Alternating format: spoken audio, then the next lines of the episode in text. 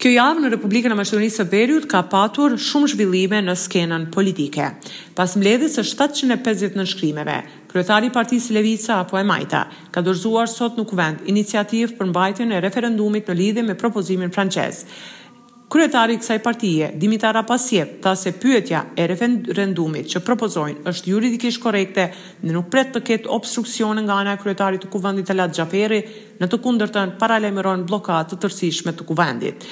Ai ka thënë se pyetja për të cilën propozohet shpallja e referendumit është, a jeni për vazhdimin e negociatave me Bashkimin Evropian, Me pranimin e konkluzioneve të Kuvendit të gjashtëmbëdhjetë korrikut dy mijë e njëzet e dy, vlerësojmë se një pyetje e tillë e formuluar ndershëm është juridikisht korrekte dhe qëndrueshme dhe nuk presim pengesa. Për më tepër, ndjekim deklaratën e Dimitar Apasiev. Pyetja për të cilën propozohet shpallja e referendumit është a jeni për vazhdimin e negociatave me BE-në, me pranimin e konkluzioneve të Kuvendit të gjashtëmbëdhjetë korrikut dy mijë e njëzet e dy. Vlerësojmë se një pyetje e këtillë e formuluar ndershëm është juridikisht korrekte dhe e qëndrueshme dhe nuk presim pengesa në rrjedhën e mëtejme të procedurës. Deputeti i LSM-së Nenad Koçiq, duke komentuar iniciativën e Levicës, tha se kjo dëshmon se kjo parti dhe VMRO dëshirojnë të pengojnë integrimin e vendit në Bashkimin Europian. Ajo që di është se në Kuvend shumica dhe LSM votoi për mbrojtjen e gjuhës, identitetit, kulturës. Dhe asgjë nuk cënon identitetin maqedon. Po bëhet e qartë se gjithçka çfarë bëjnë Mickoski dhe Apasjev është që të pengohet rruga drejt Bashkimit Evropian. Nuk ka tjetër dëshirë dhe qëllim, tha deputeti i LSDM-së. Iniciativa e të majtës vjen pasi kryeparlamentari Talat Xhaferi muajin e kaluar refuzoi iniciativën e VMRO-DPMNE-së për shfuqizim të marrëveshjes me Bullgarinë. Arsyetimi i Xhaferit ishte se iniciativa nuk është në përputhje me Kushtetutën pasi marrëveshjet ndërkombëtare që ratifikohen nuk mund të ndryshohen me ligj.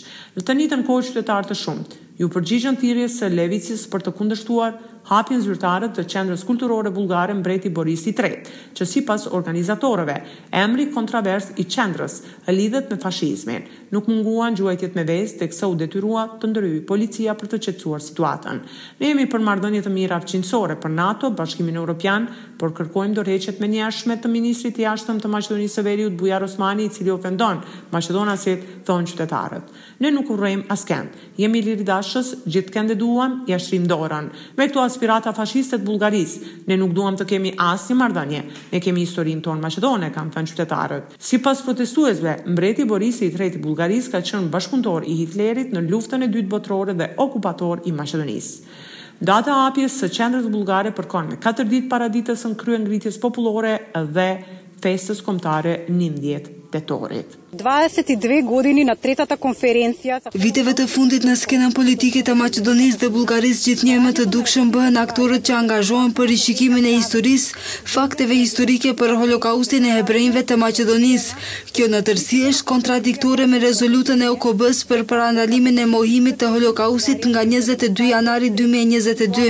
E përkundër krizës energjetike dhe masave antikrizë të cilat do të publikohen gjatë kësaj jave dhe punës së madhe të qeverisë, kanë vazhduar takime diplomatike. Kryeministri i Qeverisë së Maqedonisë, Dimitar Kovaçevski ka zhvilluar në Pragë një takim dypalësh me homologun e tij grek, Mitsotakis.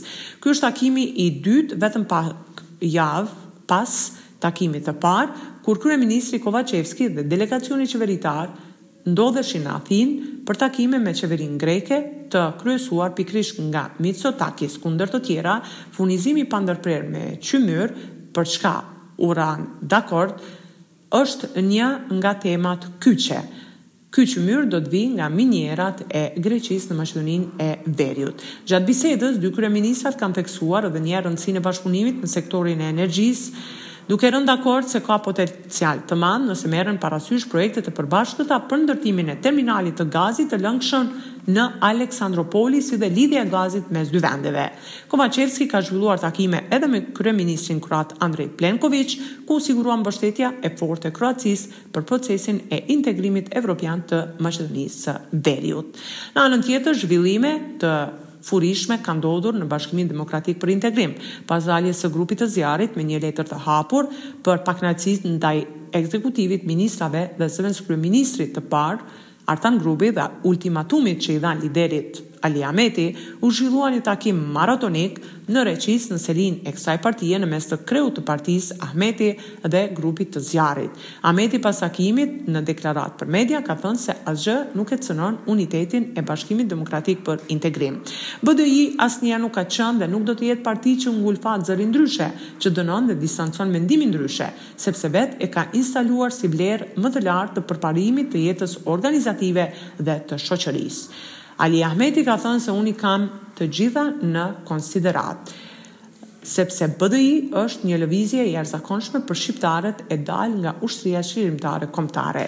Jam përpjekur të ruaj unitetin dhe për të mos penguar zëra ndryshe dhe asgjë nuk do ta cënoj unitetin e Bashkimit Demokratik për Integrim, ka thënë Ahmeti. Ndërkohë që është bërë i ditur një takim i grupit të zjarrit me deputetin e përjashtuar kohë më parë nga partia Besa, Kastriot Rexhepin, i cili thuhet se tashmë i është bashkangjitur grupit parlamentar të Bashkimit Demokratik për Integrim.